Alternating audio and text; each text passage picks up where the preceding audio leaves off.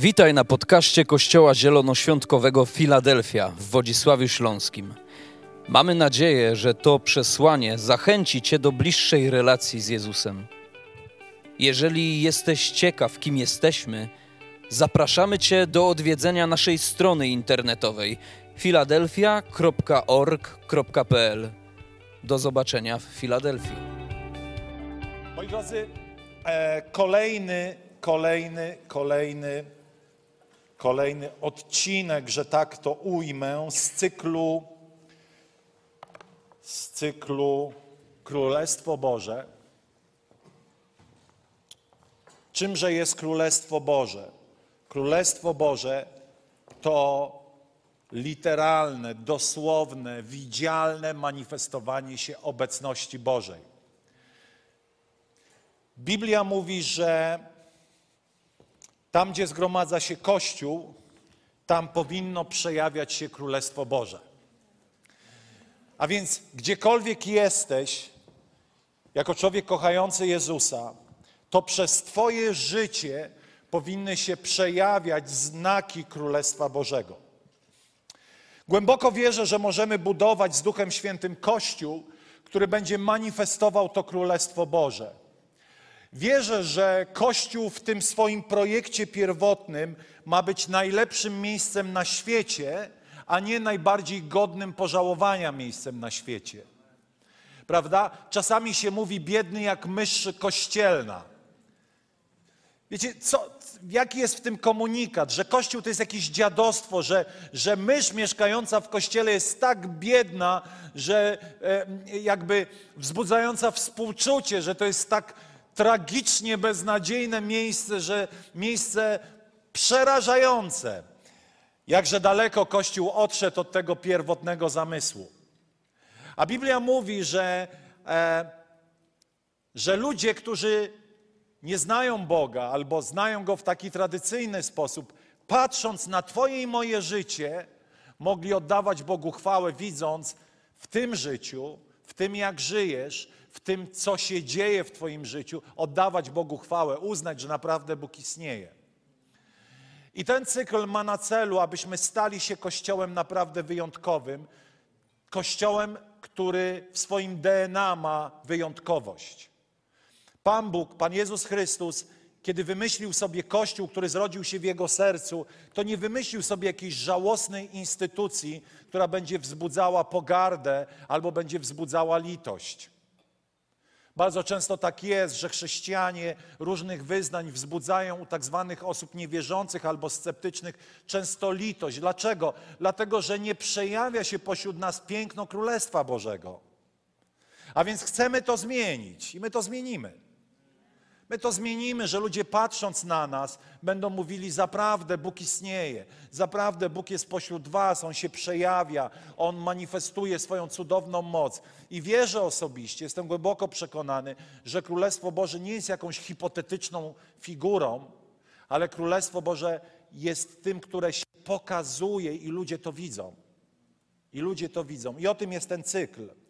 I dzisiaj będziemy mówili o absolutnie jednym z fundamentalnych pojęć. Tydzień temu mówiliśmy o tożsamości, czyli kim tak naprawdę jesteś. Jeśli uwierzyłeś, albo, albo jeszcze nie uwierzyłeś, albo wierzysz, powiedzmy bardzo tak ogólnie w Jezusa Chrystusa, to chcę Ci powiedzieć, że kiedy człowiek nawraca się do Boga, to staje się częścią Bożej rodziny i jest nazywany synem i córką Boga. Synami i córkami Boga nie są nazwani jacyś wyjątkowi, wiecie, objawieni, oświeceni, jacyś uduchowieni mistycy, ale każdy, o kim, o, o kim Biblia mówi, że uwierzył świadomie, staje się częścią Bożej rodziny. Staje się wyjątkowym synem, wyjątkową córką, który jest wart miłości Bożej w jego pełni. I idziemy dalej tym torem i będziemy mówili o łasce. Czymże jest łaska? Łaska to jest niezasłużona Boża przychylność. Nie ma powodu, dla którego inaczej. Gdybym przeszedł, miałem to zrobić, ale wiecie, zapomniałem, więc musicie sobie to wyobrazić. Chciałem zrobić taki eksperyment na sali. Wziąć stówę i podejść do pierwszej przypadkowej osoby i tą stówę mu dać. Co to jest? Stuwa mała? Szkoda stówy? No właśnie, to jest e, szkoda stówy. No właśnie, właśnie. Pożyczcie stówę, potem wam oddam. Kto ma stówę? No śmiało. Ola, pożycz, po nabożeństwie ci oddam. Ola ma, zobacz. Kamera, kamera, kamera, patrzmy, patrzmy. To ja, ja dałam, ja dałam, ja dałam, ja dałam, ja dałam, ja dałam, ja dałam. Ja dałam, dałam. To napięcie rośnie, napięcie rośnie, napięcie rośnie. Masz. Weź. Kup sobie co chcesz. My się, my się znamy od niedawna, tak? E, nic jeszcze dobrego względem mnie nie zrobiła. Ani ja specjalnie nic jeszcze względem niej nie zrobiłem, ponieważ ona zrobiła coś wobec mnie, więc ja muszę wobec niej. Po prostu dałem jej stówę. I wiecie co? Ja się cieszę, że ci dałem tą stówę. I tak sobie myślę, kurczę, trochę mało. Co to dzisiaj jest stuwa, tak? Kiedyś w Lidlu za stówę można było cały koszyk, cały koszyk e, tych e, jedzenia, prawda? Ale co chcę powiedzieć? To jest łaska w tym sensie, że ona nie musiała nic względem mnie robić. Po prostu jest warta tego, żeby coś dobrego ją w życiu spotkało. Tak? Dlaczego? Bo jest człowiekiem. I to jest łaska. My natomiast musimy rozprawić się w naszym życiu z takim myśleniem, że Bóg za dobre nagradza, za złe karze. I teraz ja muszę całe życie się starać, żeby Bóg mnie czymkolwiek nagradzał, bo boję się, że mnie ukaże. Nazywamy to religią. Religia to nic innego, jak próba poprzez własny system religijny zadowolenia bóstwa, które jest ciągle zagniewane. Tym jest religia. Dlatego chrześcijaństwo w swojej istocie oburzało środowisko, w którym się zrodziło. Dlatego, że starożytne środowisko miało mniej więcej takie myślenie. Nasze bóstwa są złe, czy ciągle zagniewane, a my musimy zrobić wszystko, żeby się na nas nie gniewały. Stąd powstawały różne systemy ofiarnicze, wiecie, składanie ofiar, ofiara za to, ofiara za tamto. Wiecie, ekstremalne bóstwa pogańskie nawet składały ofiary z niewinnych dzieci, żeby ta ofiara miała większą moc. A więc do jakiego obłędu człowiek w tym lęku przed bóstwami doszedł, żeby posuwać się do coraz bardziej wymyślnych ofiar i w imię jakoby Boga, jakoby bóstw, żeby tylko ten Bóg, w którego wierzymy, na nas się nie gniewał. Żeby tylko nas trochę polubił, żeby miał dla nas e, trochę więcej jakiejś litości, jakiejś łaski. I dzisiaj chcę Wam powiedzieć, że Królestwo Boże, do którego jesteś powołany od momentu, kiedy uwierzyłeś, albo jeśli jeszcze nie, uwierzy, nie uwierzyłeś głęboko, to uwierz, że Królestwo Boże, ta rzeczywistość duchowa, do której jesteś powołany, jest Królestwem Bożej łaski, łaski Króla względem Ciebie. Twój król, to jest lepsze niż wasza reakcja, Twój król jest pełen łaski względem Ciebie. Czy wiesz o tym, że od momentu, w którym Jezus został przybity do krzyża i zmartwychwstał, masz dostęp do wszystkiego, całego dobra Królestwa Bożego, do którego jesteś powołany? Ludzie Królestwa to ludzie ci, którzy przyjęli Bożą łaskę do cudownego życia. Łaska Boża to jest niezasłużona przychylność, szeroko rozumiana przychylność, aby zrobić to, co po ludzku wydaje się niemożliwe, aby osiągnąć to, co po ludzku wydaje się niemożliwe, aby doświadczyć tego, co po ludzku wydaje się, że nie jest dla ciebie. Łaska nie uzależnia działania Boga względem ciebie od tego, jak fajny jesteś albo niefajny. A więc ludzie królestwa to są ci, którzy przyjęli niezasłużoną dobroć, aby prowadzić wyjątkowe życie. Łaska w ogóle nie uzależnia się od tego, kim jesteś. I już widzę te wszystkie, wiecie, szczękościski ludzi pobożnych, którzy tak bardzo szczycą się swoim życiem i postępowaniem, jak mówią, pastorze, jak możesz tak głosić? Przecież Bóg jest sądem, jest ogniem trawiącym, że kiedy patrzy na nas, takich słabych i nędznych ludzi, to On jest ciągle nami rozczarowany. Serio, Bóg jest nami rozczarowany, skoro wie wszystko? On wie, co zrobisz za dwie godziny, więc on kompletnie nie ma jakby złudzeń co do Twojego postępowania i ciągle Cię kocha.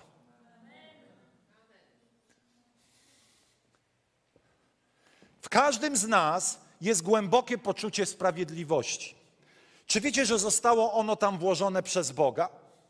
Jako jedyne istoty odczuwamy potrzebę sprawiedliwości. Odczuwamy smutek z powodu niesprawiedliwości. Odczuwamy satysfakcję, kiedy sprawiedliwość jest dokonywana. Ale wiecie, bardzo często w tym myśleniu zatrzymaliśmy się na takim ziemskim myśleniu o sprawach duchowych. I wydaje nam się, że popełniamy, ponieważ popełniamy tyle upadków, mamy błędów, tyle różnych niedoskonałości, więc nasza sprawiedliwość każe nam w jakiś sposób za to odpokutować, zrobić coś dobrego. Nasze poczucie sprawiedliwości mówi nam też: zobacz, ile zrobiłeś złego, więc musisz przynajmniej tyle samo dobrego zrobić, żeby Bóg Cię kochał, żebyś zmazał swoją winę, żeby Pan Bóg Ci mógł przebaczyć, kiedy wracasz ze spowiedzi do domu. Pamiętam zawsze to pojęcie e, mocne postanowienie poprawy i zadośćuczynienie. I zawsze wracałem i myślałem, kurczę, nie, no to teraz, żeby Pan Bóg mi przebaczył, to ja muszę to, to, to i to i to, bo jak tego nie zrobię, a to mi zadano, no to, to co? Ponieważ jest w nas potrzeba jakby życia w sprawiedliwości. I chcę Wam powiedzieć, i to jest dobre, natomiast musimy w tym poczuciu sprawiedliwości już nie patrzeć na to, co ja potrafię zrobić, tylko zobaczyć, jak się sprawiedliwość wykonała przez krzyż Jezusa Chrystusa. Człowiek jest grzeszny. Dokonuje każdego dnia wielu złych wyborów, grzechów, upadków. I według Bożych standardów każdy upadek zasługuje na potępienie. Zgadzacie się z tym? Biblia mówi, albowiem zapłatą za grzech jest śmierć. Kiedy człowiek grzeszy, to zapłatą za jego postępowanie jest tak naprawdę potępienie. Piekło istnieje i niestety ale nie, i, i, i znajdą się tam jacyś ludzie. A więc człowiek dokonuje złych wyborów, więc powinien ponieść konsekwencje swoich złych wyborów. To znaczy powinien zostać według Bożych standardów potępiony. Te standardy ustanowił Pan Bóg, żeby chronić nas.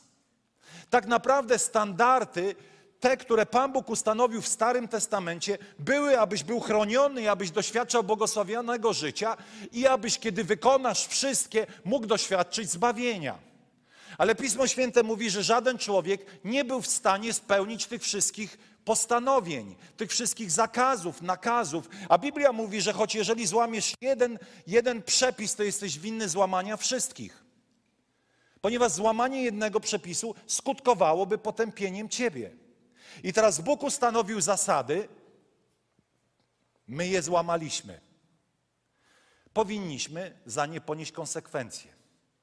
Ale Bóg w swojej miłości nie chciał, abyś ty i ja, abyśmy ponieśli konsekwencje za swoje złe czyny, za swoje grzechy, za swoje wybory, ale Bóg jest sprawiedliwy i musiał tej sprawiedliwości jakby dać ujście, zamanifestować ją poprzez ukaranie kogoś za Twoje winy i ukarał sam siebie. Jesteście ze mną? Bóg ustanowił zasady. Ty je złamałeś, a On sam zamiast Ciebie poniósł konsekwencje Twoich wyborów i Twoich grzechów.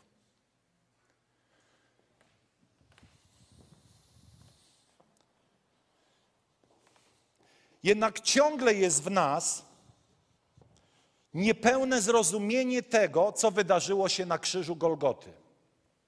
Otóż właśnie na krzyżu Golgoty wydarzyło się to, co wam powiedziałem. Człowiek jest grzeszny, Bóg jest święty, ale Bóg nie chciał ukarać ciebie i mnie i został przybity do krzyża, abyś ty nie musiał ponieść konsekwencji swoich upadków, swoich grzechów. I kiedy w to uwierzysz, to moc tego krzyża zaczyna działać i już nie będziesz potępiony, już nie będziesz osobą, która zostanie w jakikolwiek sposób rozliczona ze swoich grzechów. Czyż to nie jest cudowne? Ale dla każdego to, dla kogo to jest? Dla tego, który wierzy. Tymczasem my myślimy proporcjonalnie do tego, jak działa nasza, proporcjonalnie do naszej dobroci. Czyli im więcej dobra zrobię, tym bardziej Bóg mnie kocha. Im więcej zrobię tego, tym bardziej Bóg mnie kocha. Im więcej zrobię te, tamtego, tym bardziej Bóg mnie kocha.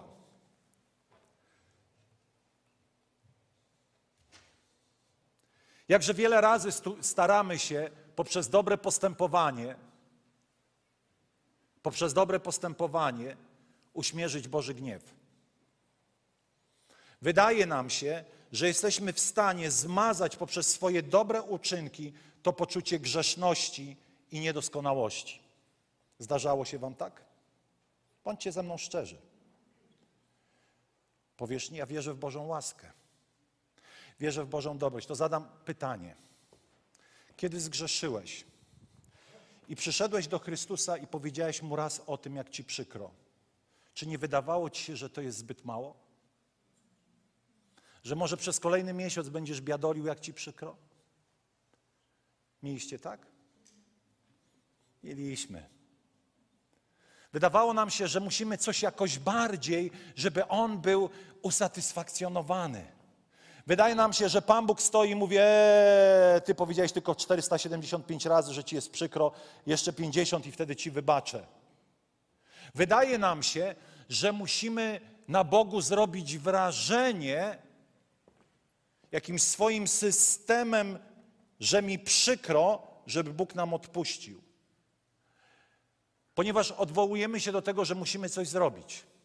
A tak naprawdę jedyne, co musimy zrobić, to uwierzyć, że na krzyżu Jezus także już zmarł za ten grzech i nie ponosisz konsekwencji duchowych czynu, którego się dopuściłeś ponieważ uwierzyłeś, że na krzyżu także Jezus zapłacił karę za Twój czyn.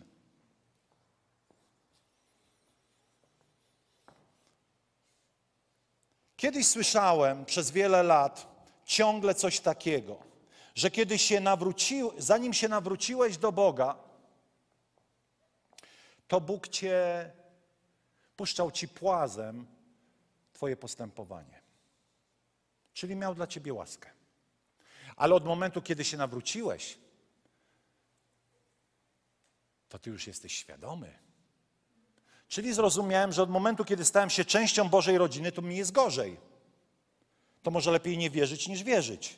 Bo jak nie wierzę, to Bóg puszcza płazem moje postępowanie, no bo nie wierzę. Ale od momentu, kiedy uwierzyłem, to już nie ma dla mnie litości. To co to za bzdura? Odpowiem wam tak. Zanim się nawróciłeś, było dużo łaski. Nie zrobiłeś niczego, żeby zostać zbawionym. Oto Biblia mówi, że Chrystus bowiem, gdy jeszcze byliśmy upadli, we właściwym czasie umarł za bezbożnych. Rzadko ktoś umiera za sprawiedliwego. Może za dobrego gotów byłby ktoś umrzeć. Bóg natomiast daje dowody swojej miłości do nas przez to, że gdy jeszcze byliśmy grzesznikami, Chrystus za nas umarł. Niczego nie zrobiłeś, dobrego, a Chrystus znalazł cię. Często mówimy, znalazłem Boga. Nie, nie, to Bóg znalazł ciebie.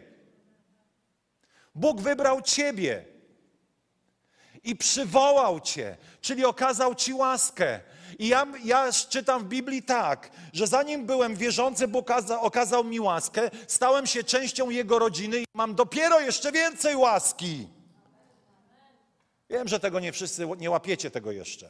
Bo to jest tak dobre, że powinniście tutaj skakać z radości, że Bóg was kocha bez względu na to, kim jesteś, co robisz, jak się zachowujesz. Bóg ciągle kocha cię, bo ma dla ciebie nieskończone pokłady łaski. Powiesz, pastorze, to jest jakaś herezja, mogę żyć jak chcę? Fajnie. Jeżeli tak myślisz, to jeszcze się nie nawróciłeś.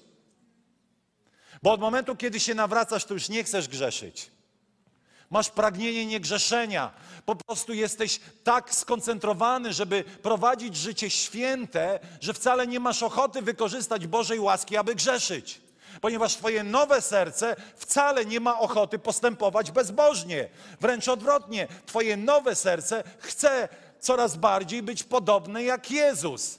Ale popełniamy jeden błąd. Chcemy sami o własnych siłach z powodu własnych, własnej samodyscypliny stać się jak Jezus, ponieważ myślimy, że chrześcijaństwo to jest jakiś system etyczny, religijny, że chrześcijaństwo polega na robieniu tego, a nie robieniu tamtego, że chrześcijaństwo ma całą listę, co wolno, a czego nie wolno. Stąd te kretyńskie, idiotyczne i debilne, przepraszam, e, dyskusje na temat kolczyków, farbowanych włosów, tatuaży, muzyki, bo ludzie kochają szczycić się tym, że czegoś nie robią i wierzyć głupio, że dlatego ich Bóg bardziej kocha.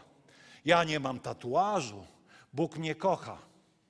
Na pierwszym nabożeństwie powiedziałem, połowa tu na tej sali nie nadawałaby się do bycia chrześcijaninem, bo jest podziarana, że ho, ho.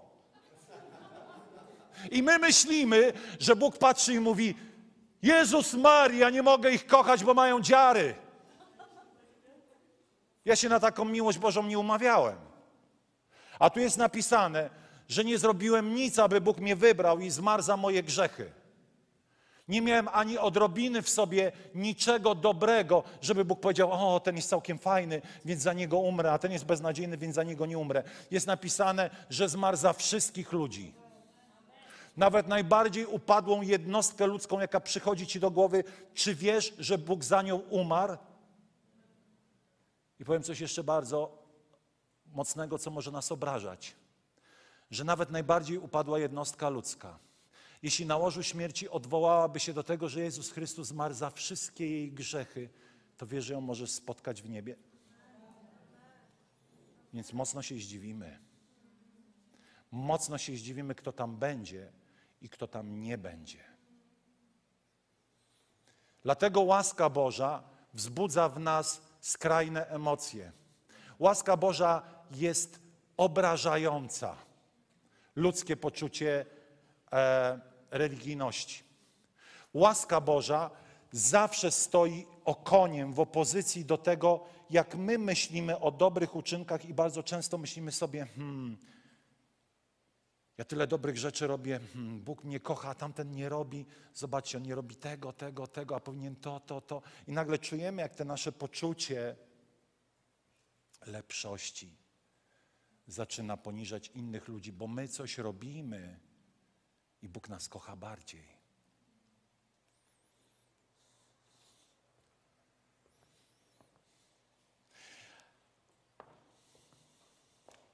Każdy z nas otrzymał przebaczenie grzechów z łaski, jednak potem bardzo często jesteśmy kuszeni, aby żyć i otrzymywać od Boga dzięki naszym staraniom. Tymczasem Jezus powiedział na krzyżu: Wykonało się. Nie można w zupełności uchwycić tożsamości synów i córek Bożych, jeśli nie zaakceptujemy faktu, że żyjemy w królestwie, w którym panuje łaska Boża we wszystkim. Nie możesz wypracować w sobie bycia dzieckiem Bożym. Nie możesz wypracować sobie rzeczy, które uczynią cię tym dzieckiem. Możesz stać się przez wiarę w to, co wydarzyło się na krzyżu. Że byłeś grzeszny, Pan Jezus został przybity do krzyża i pojednał ciebie z Ojcem i stajesz się od momentu, kiedy uwierzyłeś, częścią Bożej rodziny. A więc jestem córką i jesteś synem i córką Boga, ponieważ uwierzyłeś. Nie ponieważ to wypracowałeś, tylko uwierzyłeś. I wszystko, co jest z tym związane, jest dostępne dla mnie przez wiarę. Jeśli uwierzysz i pójdziesz w kierunku tego, w co wierzysz, będziesz widział to w swoim życiu. Albo jestem synem, albo jestem niewolnikiem, ponieważ niewolnicy zawsze się starają, aby Pan był zadowolony. Synowie cieszą się z bliskości Ojca, Jego dobroci, poczucia bezpieczeństwa. On wybrał nas przed założeniem świata, abyśmy wobec Niego byli święci, nienaganni, żyli w miłości. Przeznaczył nas, abyśmy przez Jezusa Chrystusa stali się Jego dziećmi. On wybrał nas, abyśmy stali się Jego dziećmi. A dzieci mają dostęp do wszystkiego, co ma ojciec na podstawie pokrewieństwa, a nie na podstawie, że sobie to wypracowują. Wypracowują sobie niewolnicy. Synowie otrzymują dzięki połączeniu, dzięki pokrewieństwu. Ale ktoś może powiedzieć, tak jak wspomniałem, że skoro jestem w łasce Bożej, to ona pozwala mi na wszystko. To mogę żyć jak chcę. Łaska to jest także przychylność do zmiany. Pomyśl sobie, ile razy starałeś się być lepszy. Starał się ktoś być lepszy? Ja tak starałem się być lepszy, aż mi żyła na czole wychodziła, żeby nie wybuchnąć z nerwów. O, jestem pastorem, przecież nie mogę tak się zachowywać, ciągle wybuchać.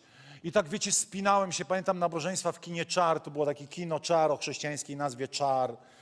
I tam mieliśmy nabożeństwo, w ogóle tam Bóg tak działał, że to w ogóle historię będziemy do końca życia mieli z tego niezły ubaw. Ale wiecie, tam czasami wiele rzeczy nie działało. Tam mieliśmy sprzęt chyba z epoki dinozaurów, który ciągle się psuł. I wiecie, miało być nabożeństwo, a coś nie grało. I myśmy naprawiali, łączyli te kabelki. Tam w ogóle było, była bardzo mała scena i na scenie mieliśmy taki wywieszany na nabożeństwa krzyż. I ten krzyż był na takim haczyku z, e, z tego, z z drutu i za każdym razem, jak ktoś przechodził niefrasobliwie, poruszał ten krzyż i ten krzyż spadał w trakcie nabożeństwa. I taka konsternacja, o Boże, krzyż spadł, coś złego się wydarzy. Wiecie, tam nic nie działało, tam był karton, klej i taśma klejąca. I bardzo często te sytuacje doprowadzały mnie do białej gorączki.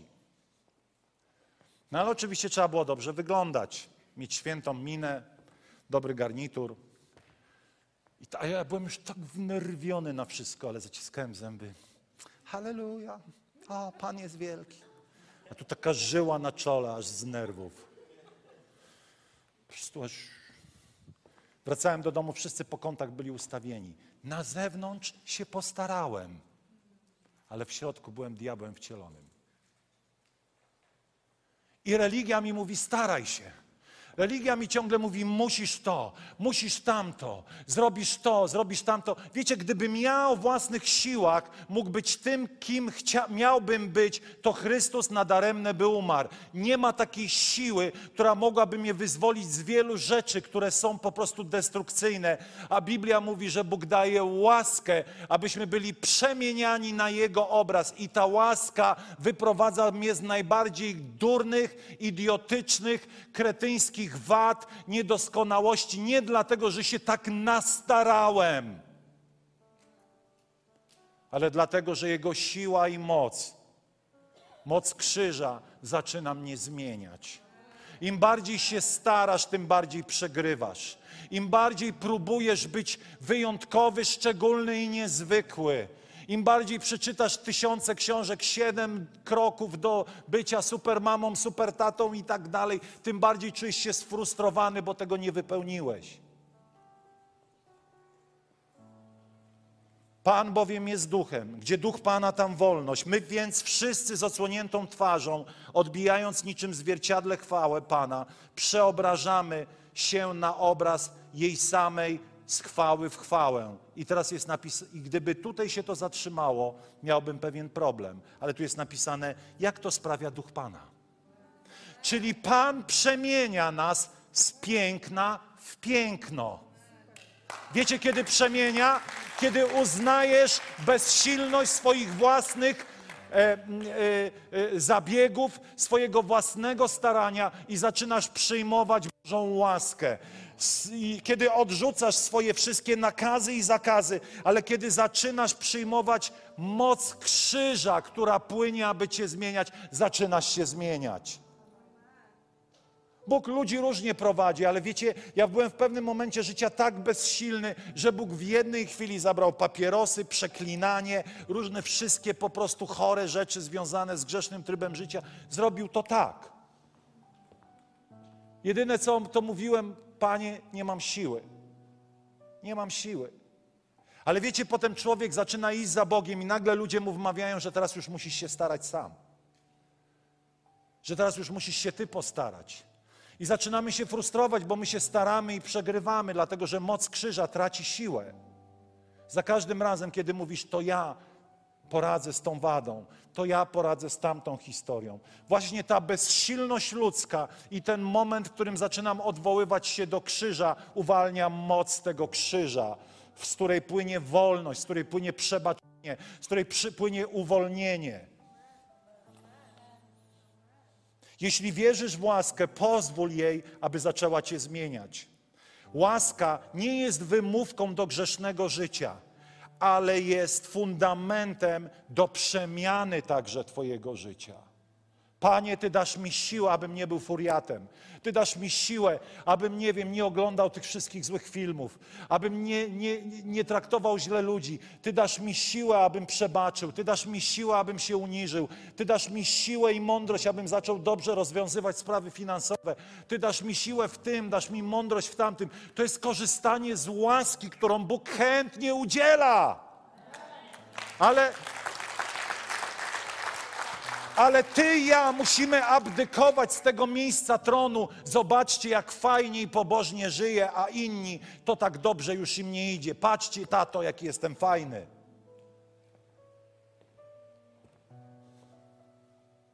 Jego przemieniająca miłość i moc są nierozłączne i działają w nas na podstawie Jego łaski.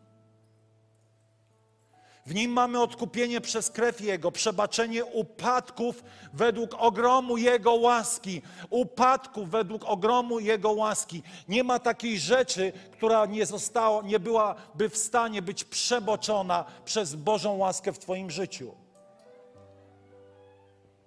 A więc kiedy upadasz, to tym bardziej powinieneś biec do Boga. Kiedy ci nie wychodzi, to tym bardziej powinieneś do Niego iść, ponieważ w Nim jest źródło zwycięstwa, a Jego łaska wtedy skutecznie działa.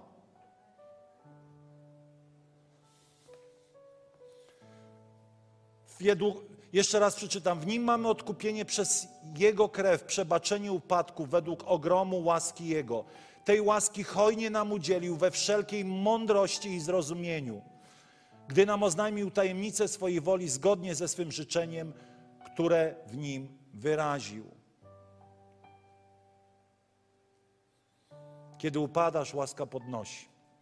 Jeśli zawiedziemy, miłość Ojca powstrzymuje nas od koncentrowania się na upadku i przekierowuje nasze serce na Jego łaskę, na Jego miłość. Kiedy koncentrujesz się na upadku, to tak naprawdę chcesz powiedzieć, nie zrobiłem tego, co miałem zrobić, abyś mnie pokochał. Nie zrobiłem tego, co miałem zrobić, abyś mnie lepiej potraktował. I wiecie co? Obrażamy tym Boga. Bo mówimy mu, że On kocha nas za coś. Że jest jakiś warunek, który uwolni Bożą miłość nad moim życiem. Jedynym warunkiem jest wiara. Jedynym warunkiem jest wiara.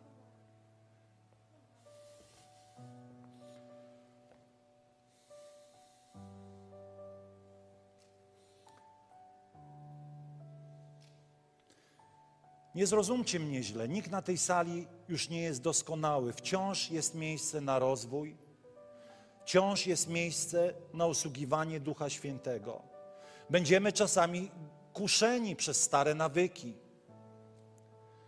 ale uznajemy, że te pokusy nie mają nic wspólnego z naszą nową tożsamością. To jest obce ciało w Tobie. To jest obce ciało w Twojej nowej tożsamości. Kiedy upadasz, to to nie jest coś, z czym ty się zgadzasz i co jest częścią ciebie, ponieważ Twoja nowa natura, ona jest doskonała i ona oddziaływuje, aby tworzyć Ciebie nowym Ty, nowym ja. Nigdy nie zadowalaj się grzechem pozostającym w swoim życiu. Chrystus przyniósł nam wolność, stójcie więc niezachwiani i nie schylajcie się znów pod jarzmo niewoli. Tak, piekło istnieje i nie wszyscy wybiorą zbawienie. Wszyscy bowiem musimy stanąć przed Trybunałem Chrystusa, aby każdy odebrał zapłatę za to, czego dokonał w ziemskim życiu, dobrego czy złego. Kto unika sądu i potępienia? Każdy, kto uznał, że Chrystus na krzyżu zmarł za Twoje i moje grzechy, zmarł zamiast Ciebie. Uznajesz, że był to akt łaski Bożej, ponieważ Ty na to nie zasłużyłeś. I kiedy nawracasz się do Pana, kiedy uwierzyłeś, że Chrystus zmarł za Twoje grzechy i kiedy żyjesz w tej świadomości, to żyjesz w tej świadomości ogromu Jego łaski, że kiedy jest dobrze, to jest dobrze, ale kiedy jest źle, to Jego łaska ciągle działa. Kiedy idzie dobrze, to Jego łaska. Kiedy idzie źle, to Jego łaska mnie podnosi, abym nie został w tym miejscu złym. Kiedy zaczynasz żyć łaską, przestajesz być człowiekiem, który żyje tak. O, zgrzeszyłem, już do kościoła nie przyjdę, nie będę się modlił, nie będę czytał Biblii. A potem mam tydzień dobry, aleluja, Pan jest wielki, aleluja, aleluja. A potem znowu zgrzeszyłem i znowu upadam. Kiedy żyjesz w łasce, to bez względu na to, czy masz lepszy, lepszy czas, czy gorszy, Twoja łaska sprawia, że jesteś stały.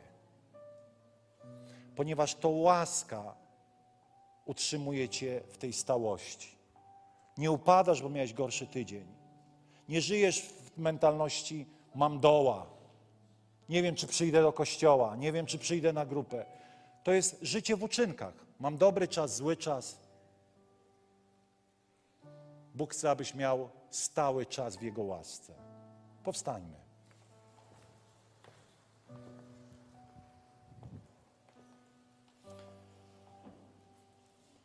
Jaki jest Twój Bóg? Czy Twój Bóg jest ciągle tym Bogiem, który wymaga od Ciebie jakiegoś postępowania, w którym będziesz zdobywał Jego aprobaty i akceptację? Czy może Twój Bóg kocha Cię bezgranicznie? Jaki jest Twój Bóg? Czy Twój Bóg patrzy na Twoje potknięcia i upadki, czy raczej na krzyżu Jezus zmarł za wszystkie Twoje winy, Twoje grzechy i Twój Bóg zaprasza Cię do bliskości z sobą, aby czynić Cię coraz bardziej pięknym, świętym i wyjątkowym poprzez przebywanie z Nim. Czy Twój Bóg jest ciągle zagniewany, czy może Twój Bóg raz na zawsze swój gniew i poczucie sprawiedliwości ulokował w krzyżu Jezusa Chrystusa? Czy Twój Bóg jest daleko i patrzy z oddali zastanawia się, kiedy Ci, kiedy ci zabraknie sił i noga Ci się potknie, czy raczej Twój Bóg swoją łaską i miłością podnosi Ciebie, kiedy jest Ci źle? Jaki jest Twój Bóg? Jaki jest Twój Bóg? A może Twój Bóg jest Bogiem odległym, Bogiem, którego nie do końca rozumiesz. To jest ten moment, w którym Bóg chce być kimś dla Ciebie szczególnym i wyjątkowym. To jest moment, w którym Bóg zaprasza Cię, abyś uwierzył, że na krzyżu wszystkie Twoje grzechy zostały przebaczone raz na zawsze. To jest ten moment, w którym Bóg chce zaprosić Cię i powiedzieć: Synu, córko, uwierz, że ja zostałem przybity do krzyża, bo tak bardzo Cię ukochałem, abyś nie musiał iść na potępienie. Czy dzisiaj ktoś na tej sali chce uwierzyć, że wszystkie Twoje grzechy zostały wraz z Chrystusem przybite do krzyża i chce uwierzyć w to, że wszystkie Twoje grzechy są przebaczone raz na zawsze? Biblia mówi, że kiedy zaczynasz w to wierzyć, stajesz się częścią Bożej rodziny, a Twoje grzechy wszystkie zostały przebaczone. Czy dzisiaj na tej sali znajdę choć jedną osobę, która powie: Pastorze, chcę uwierzyć, że moje grzechy Jezus wziął na siebie i przybił je do krzyża. Chcę się z Tobą pomodlić. Możesz podnieść swoją rękę na sekundę, dwie, jako prosty akt nawrócenia i uwierzenia w tą prostą prawdę. Tam, gdzie jesteś, daj mi znak, bo chcę pomodlić się razem z Tobą. Czy ktoś dzisiaj uwierzy w to, że Chrystus na krzyżu zmarł za Twoje grzechy? Tam, gdzie jesteś, daj mi znak. Może oglądasz nas online, podnieś swoją rękę. Tam, gdzie jesteś. Dziękuję, Szymon. Czy ktoś jeszcze? Wiem, że to jest walka, ale to jest ten dzień, który Bóg przygotował dla Ciebie. Możesz opuścić. Czy ktoś jeszcze? Dziękujemy Ci, Panie. Powtarzajmy wszyscy razem, a Ty powtarzaj w swoim sercu także. Panie Jezu, wiem, że na krzyżu zostałeś przybity za moje grzechy. Ojcze, modlę się, abyś teraz zamieszkał w moim sercu. Wierzę, że wszystkie grzechy zostały przebaczone i w tym momencie staję się częścią Bożej rodziny. Daj mi siłę, aby mógł iść za Tobą i naśladować Ciebie całym swoim życiem. Amen. Amen. Amen. Będziemy teraz mieli czas e, wieczerzy w historycznych kościołach na komunią. Często rodzi się pytanie, kto może. Czy jestem wystarczająco dobry, pobożny, idealny, żebym mógł do tej komunii wieczerzy przystąpić. Ja przez wiele lat byłem dręczony tą myślą, Panie Boże, czy ja mogę? Jeśli wierzysz, że Chrystus zmarł za Twoje grzechy, możesz. Bo On uczynił Cię czystym przed Bożym obliczem, sprawiedliwym. Panie, dziękujemy Ci. Dziękujemy Ci. Panie, dziękujemy Ci za Twój chleb. Dziękujemy Ci, że Ty na krzyżu zmarłeś za nasze winy, za nasze grzechy. Ojcze, dziękujemy Ci, że Twoje ciało zostało przybite, a Twoimi sińcami i ranami jesteśmy uzdrowieni w imieniu Jezusa, Pana naszego. Amen. Amen. Niech Bóg Was błogosławi.